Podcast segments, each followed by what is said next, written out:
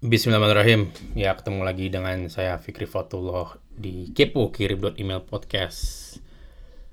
Uh, kali ini bahasan kita agak agak apa ya saya bilangnya? Saya agak khawatir sih ya sama uh, kondisi apa SDM di Indonesia. Ya.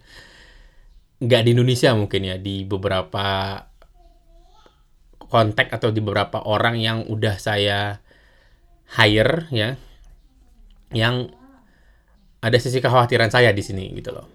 Ya, uh, untuk masalah skill ya saya bukan orang yang begitu mempermasalahkan ya hard skill. Saya uh, jangan salah saya sangat melihat hard skill saat saya merekrut. Prinsip saya dalam merekrut adalah tell me what to do ya. Jadi uh, secara nggak langsung saya saya berusaha ngomong gini. Ya saya sudah hire kamu ya kamu katakan sama saya atau kamu ajarin saya kita harus ngapain nih gitu loh ya. Prinsip saya dalam meng-hire seperti itu. Ya, jadi semua yang uh, ngelamar lah ke kirim email ya atau mungkin ke juga perusahaan-perusahaan saya sebelum ini gitu ke bisnis-bisnis saya sebelum ini itu saya cek dulu ya hard skillnya pasti ya. Kalau enggak ya ngapain di sini gitu loh. Karena ini uh, beberapa lini pekerjaan itu kan butuh hard skill misalnya pemrograman ya. Nggak nggak mungkin orang yang nggak bisa pemrograman itu saya pekerjakan di bagian programming ya. Lucu.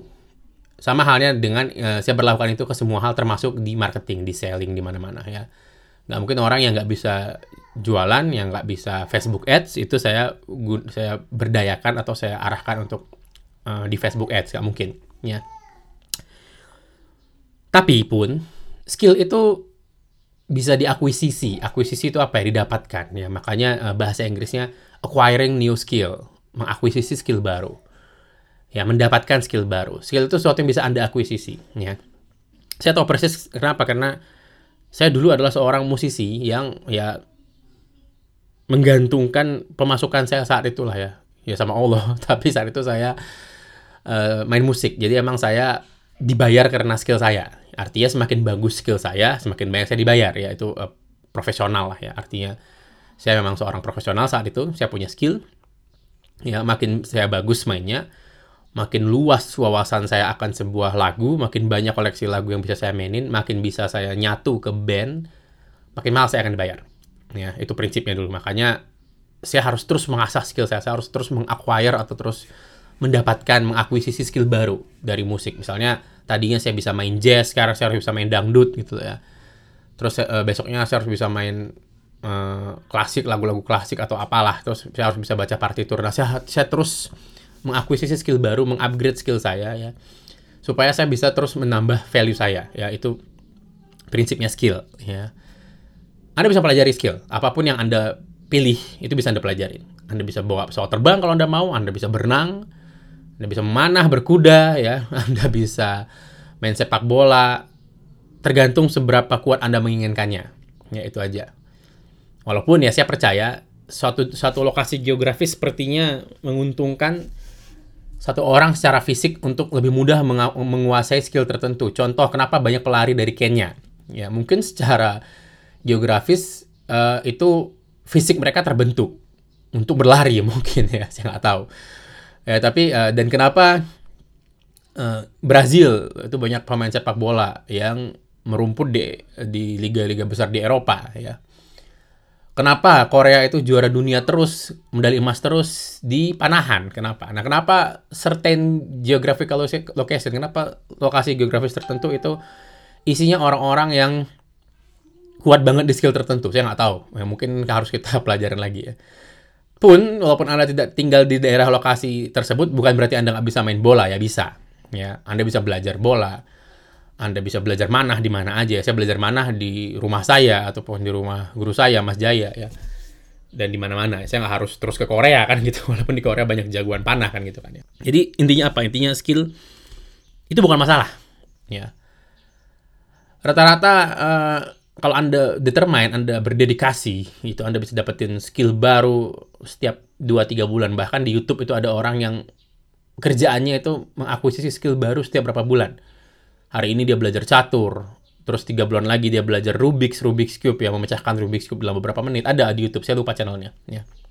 Ntar kalau saya ingat, saya posting di kepo.blog ya. Artinya apa? Artinya skill bisa dipelajari. Ada seorang penulis buku namanya Joshua Whiteskin, ya semoga saya mengucapkan dengan benar, yang judulnya The Art of Learning. Ya, jadi siapa itu Joshua Whiteskin?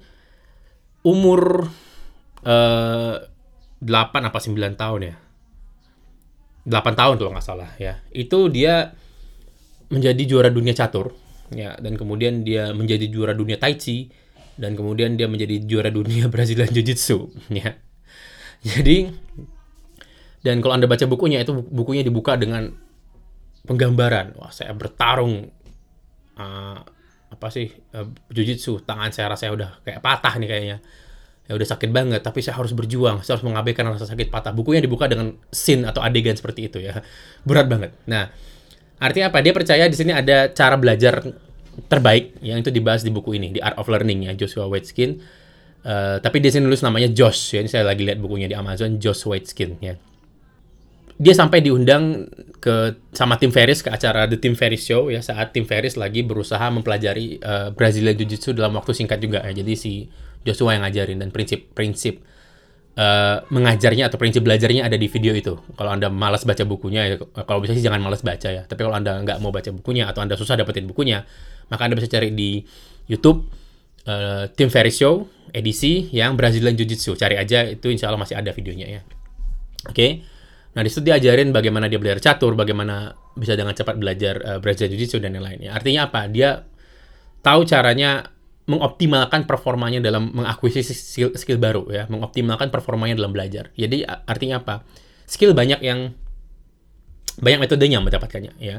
Anda kalau nggak bisa Facebook Ads sekarang, ya Anda bisa mengubah kondisi itu kalau Anda mau. Tiga bulan lagi Anda bisa jago Facebook Ads ya. Metodenya terapan ya banyak metode Facebook terapan. Artinya apa? Kalau kalau bisa diterapkan sama orang itu bisa anda terapkan ke bisa anda sendiri walaupun dalam prosesnya akan banyak anda modifikasi pasti ya. Tapi kira-kira seperti itu ya. Skill itu hal-hal yang semi baku lah menurut saya ada angkanya ya. Kalau anda melakukan sejumlah X anda akan mendapatkan Y ya. Itu proses pengakuisisian skill baru itu seperti itu ya. Nah setelah anda dapat skill terus apa ya?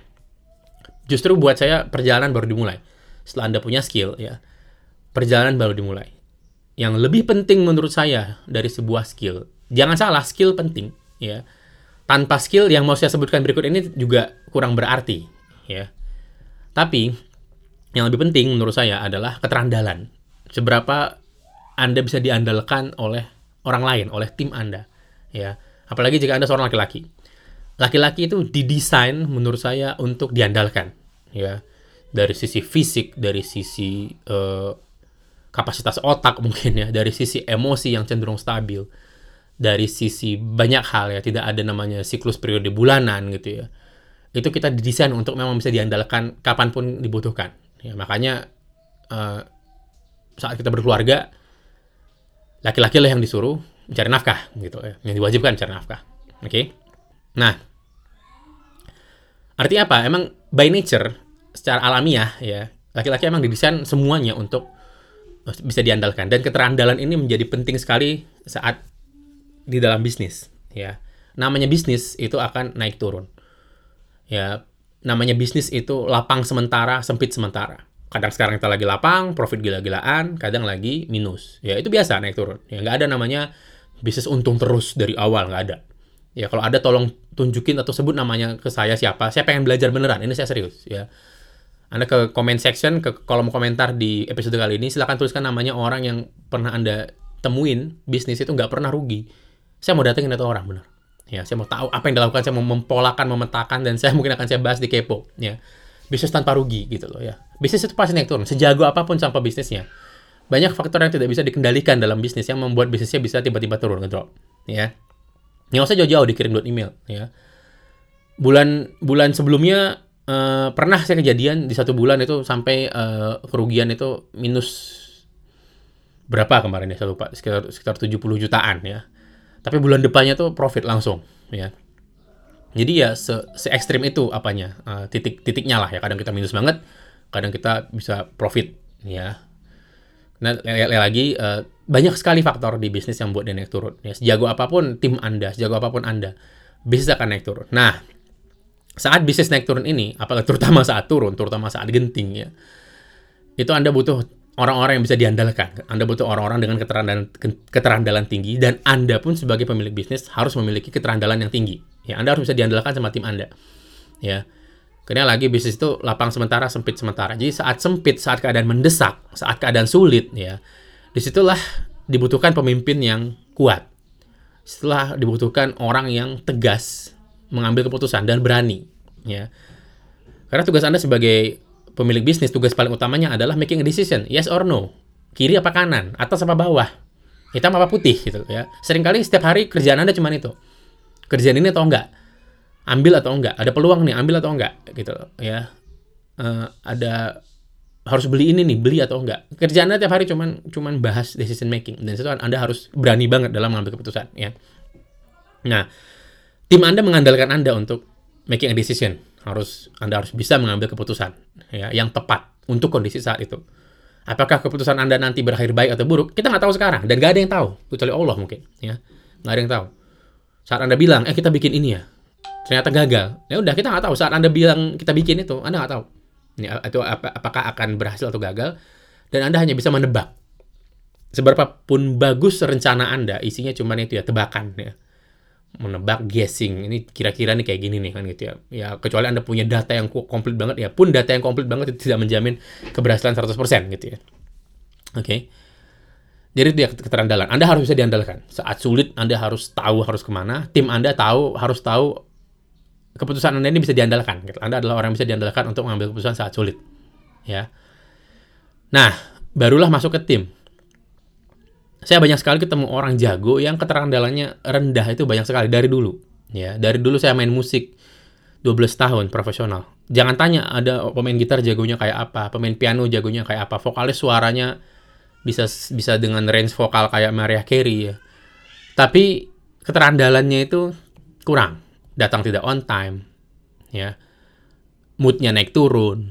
Ya, kita semua jadi harus babysitting. Babysitting itu apa ya? Ngurusin dia gitu supaya moodnya jangan turun terus kadang ini itu ketinggalan misalnya udah kontrak sama perusahaan A untuk bawain lagu ini liriknya ketinggalan gitu-gitu. Dulu kan nggak zaman internet tinggal buka HP akses liriknya nggak gitu ya. Dulu kan harus di print ya gitu ya. Nah di bisnis saya, saya melihat lagi hal yang sama. Ada orang yang jago banget Facebook Ads jago banget email marketing jago banget ya jualan lah ya gitu ya. Bikin YouTube youtubernya jago. Tapi saat diandalkan dia nggak nggak bisa. Saat harus diandalkan saat ini waktunya dia untuk uh, bertindak saat lampu sorotnya diarahkan ke dia gitu ya. Ini lagi ada masalah nih gitu ya. Nah, ini lampunya lagi diarahkan ke dia nih. Eh, gimana nih gitu kan. Kita nanya ke dia. Dia harus diandalkan saat itu. Ini tuh buat saya entah ya mengecewakan banget gitu loh. Itu buat saya yang paling mengecewakan. Saya tahu di dalam dirinya ada skill, saya tahu di dalam dirinya ada solusi yang bisa kita keluarkan bareng ya dengan skill dan pengetahuan dan pengalamannya dia dia dia bisa jadi solusi untuk masalah yang sedang kita hadapin tapi dia memutuskan untuk tidak menjadi solusi. Ya, dan dalam bisnis, kalau Anda nggak jadi solusi, Anda adalah jadi masalah gitu. Ya, sesimpel itu menurut saya. apakah Anda sumber solusi atau masalah itu kita yang memutuskan, ya. Sama dengan tim. Tim kita kalau nggak jadi solusi, dia adalah masalah bagi yang lain gitu loh. Ya, dia adalah masalah bagi bisnis, dia adalah masalah bagi tim yang lain, ya. Dan akhirnya dia akan menghabiskan waktu dari orang yang lain untuk mengurusin masalah dia. Itu selalu terjadi, 100% selalu terjadi. Ya, jadi saat seorang tidak bisa diandalkan, dia akan menjadi beban untuk yang lain. Ya. Di sinilah Anda sebagai pemilik bisnis harus banyak merenung, mengambil keputusan, ya, bagaimana sebaiknya. Ya, jadi ya sayang ya, sayang kalau kita tidak bisa diandalkan. Ya, banyak orang baik, tapi keterandalannya kurang. Ya, tidak bisa on time, ini itu tidak tahu, ini itu bilang nggak bisa. Padahal dia orang baik. Tapi kita kita bilang, eh uh, tolong bantuin aku ini ya XYZ XYZ. Oh nggak bisa mas, saya nggak tahu caranya. Gitu Ya itu, wah susah sekali. Keterandalannya rendah sekali ya. Jadi buat saya itu yang yang, yang, yang penting. Ya, saya saya pernah juga di kondisi sebaliknya. Ada orang yang skillnya, ya kita bilang bukan hanya biasa-biasa aja ya, mungkin di bawah standar lah skillnya. Tapi orangnya bisa diandalkan. Ya datang on time ini ada apa ya ada acara datangnya siap mas datang gitu loh. Nggak pernah dia bilang oh ini saya lagi sakit apa enggak dia lagi sakit ngomongnya apa saya kalau masih bisa berdiri saya akan datang mas. Wah ya luar biasa ya. Keterandalannya sangat tinggi ya. Tapi skillnya kurang ya. Malah saya akan lebih toleran sama orang seperti itu ya. Kita tinggal pikirin gimana cara mentraining dia supaya jadi orang yang jago. Dan saya yakin semua orang bisa jago dalam hal tertentu. Dia jago ini dalam artinya bukan dia top 1% di seluruh dunia ya, enggak. Enggak harus seperti itu, tapi ya di level di mana dia cukup untuk bisa memberikan kontribusi ke perusahaan, itu aja udah udah cukup ya. Begitu dia bisa ngelihat hasilnya yang dia pelajari, yang dia perjuangkan, orang-orang seperti ini akan makin semangat belajarnya. Ya, misalnya dia udah diandalkan terus Anda ajarin dia Facebook Ads. Terus dia ngelihat hasil Facebook Ads-nya, "Ih, ada duitnya ya, bagus ya." Dia akan semakin semangat belajarnya, ya. Tapi dia udah udah bisa diandalkan dulu, ya ini akan butuh proses yang lama. Orang seperti ini akan butuh proses yang lama untuk di training, dididik lama. Ya, karena eh, apalagi dia masih nol skillnya, itu akan lama. Cuma kalau anda sabar, anda mau investasi, orang-orang seperti ini saya yakin akan bersinar. Kenapa? Karena tadi dia bisa diandalkan. Ya, keterandalan itu kata yang saya cari banget ya dari kemarin. Dan akhirnya baru dapat maka ini saya rekam podcast ini pagi-pagi uh, karena ini harus saya keluarkan dari kepala saya gitu ya. Oke. Okay? Jadilah orang yang bisa diandalkan, jadilah orang yang memiliki keterandalan yang tinggi. Jangan apa-apa bilang enggak. Jangan bilang apa-apa bilang nggak bisa. Jangan apa-apa bilang udah, ah oh, saya gaptek, saya nggak bisa, saya nggak punya. Jangan. Ya. Jangan batasi diri Anda dengan hal-hal yang ada di kepala Anda sendiri gitu loh. Ya. Tapi sisi lain jangan juga berlebih-lebihan. Ya. Anda yang tahu di mana titiknya. Oke? Okay? Intinya keterandalan itu masalah mindset. Skill itu masalah kemauan. Ya Mau nggak Anda? Seberapa kuat Anda Anda mau mendapatkan skill itu? Seberapa kuat Anda pengen bisa berenang? Seberapa kuat Anda pengen bisa memanah? Seberapa kuat Anda pengen bisa berkuda? Seberapa kuat Anda pengen bisa Facebook Ads? Ya, itu tinggal masalah kemauan aja. Kalau Anda kuat kemauannya, nggak ada satu hal pun yang bisa menghalangi Anda nggak punya duit, nggak punya duit ikut workshop, bisa ke warnet, ya, yang cuman berapa sih? Dulu saya warnet cuma 2.500 gitu kan. Bisa di YouTube, bisa gabung ke Facebook group yang sekarang udah banyak banget, gabung ke Telegram channel, Anda bisa belajar dari mana aja. Kalau kemauan Anda kuat. Ya, saya pernah baca cerita so, uh, seseorang di Medium yang belajar bisnis besar-besaran, dropshipping sana sini, itu hanya dari materi yang gratisan, nggak pernah nggak pernah ikut uh, kelas berbayar apa pun. Ya, nggak masalah. Saya juga seperti itu waktu, waktu belajar musik. Ya, mungkin di waktu, waktu belajar bisnis ya. Saya baru beneran ikut workshop dan seminar itu setelah saya punya duit dari bisnis saya gitu. Tapi di awal-awal itu saya nggak pernah ikut itu yang berbayar ya karena saya nggak punya duit dulu. Ya tapi lagi saya mau dapetin skill ini whatever it takes. Karena dulu saya pernah melakukannya di musik dan saya percaya saya bisa melakukannya lagi. Saya bisa menguasai instrumen musik saya bisa baca partitur musik tanpa saya uh, sekolah musik karena saya nggak nggak punya duit dan saya nggak punya waktu saat itu. Dan saya nggak mau belajarnya juga uh, berguru maksudnya. Di uh, buat saya saat itu di Medan tidak ada guru yang layak ya untuk tempat saya belajar ya tidak tidak guru yang bisa saya pilih gitu ya. Makanya saat saya bisa main main musik itu saya ngajar langsung. Karena saya tahu saat itu saya mau nyari gurunya nggak ada. Ya nggak ada yang bisa diandalkan. Ya. Tapi kalau masalah keterandalan itu masalah mindset. Ya. Masalah mental block. Di dalam kepalanya itu harus dipecahkan mental blocknya. Dan memecahkan mental block banyak caranya. Bisa dengan dipush sampai ke titik nadir gitu ya antara dia beneran pecah mental bloknya atau dia keluar dari perusahaan anda. Itu pilihannya. Ya apakah anda siap dia keluar? Kalau siap silahkan dipush. Ya saya orang yang tidak terikat. Ya saya akan push diri saya sendiri dan tim saya dan saya akan membiarkan tim saya ngepush saya. Ya karena saya juga butuh saya butuh dikritik saya butuh tipu saya butuh dinasihatin. Ya jadi uh, saya akan biarkan tim saya ngekritik saya ngepush saya saya akan biarkan. Ya saya juga butuh Sisi lain saya akan ngepost tim saya juga bisa-bisa. Ya. Kalau, soal adu adu argumen, saya, saya punya argumen dengan data. Saya selalu bawa bawa data dalam argumen saya. Ya. Saya selalu bawa bukti. Oke, kalau saya nggak punya datanya, saya nggak akan argumen, habisin waktu. Ya. Itu mungkin dari saya. E, carilah tim yang bisa diandalkan. Jadilah orang yang bisa diandalkan agar Anda menarik orang-orang yang bisa diandalkan. Ya, itu prinsip saya. Jadilah orang yang memiliki keterandalan yang tinggi, apalagi Anda yang eh, jika Anda yang mendengar ini adalah seorang laki-laki, anda punya pilihan, ya Anda didesain untuk diandalkan uh, oleh orang lain, Anda didesain untuk bisa ke, memiliki keterandalan yang, yang tinggi karena Anda akan punya keluarga, Anda akan punya anak dan semua akan mengandalkan Anda. Ya. Anda punya orang tua juga yang harus Anda urus nanti. Orang tua Anda juga melakukan Anda. Ya, jadi Anda punya orang tua, ada istri, ada anak, ada bisnis. Ya, anda harus bisa sangat diandalkan dari semua sisi ini. Ya. Oke. Okay. Semoga ya kita berdoa sama Allah semoga kita diberikan kekuatan untuk menjadi orang-orang yang bisa diandalkan sama umat. Amin ya Allah. Amin ya. Saya Firly Fatullah, terima kasih. Gunakan kode kupon KEPO dan silakan daftar ke kirim.email. Assalamualaikum warahmatullahi wabarakatuh.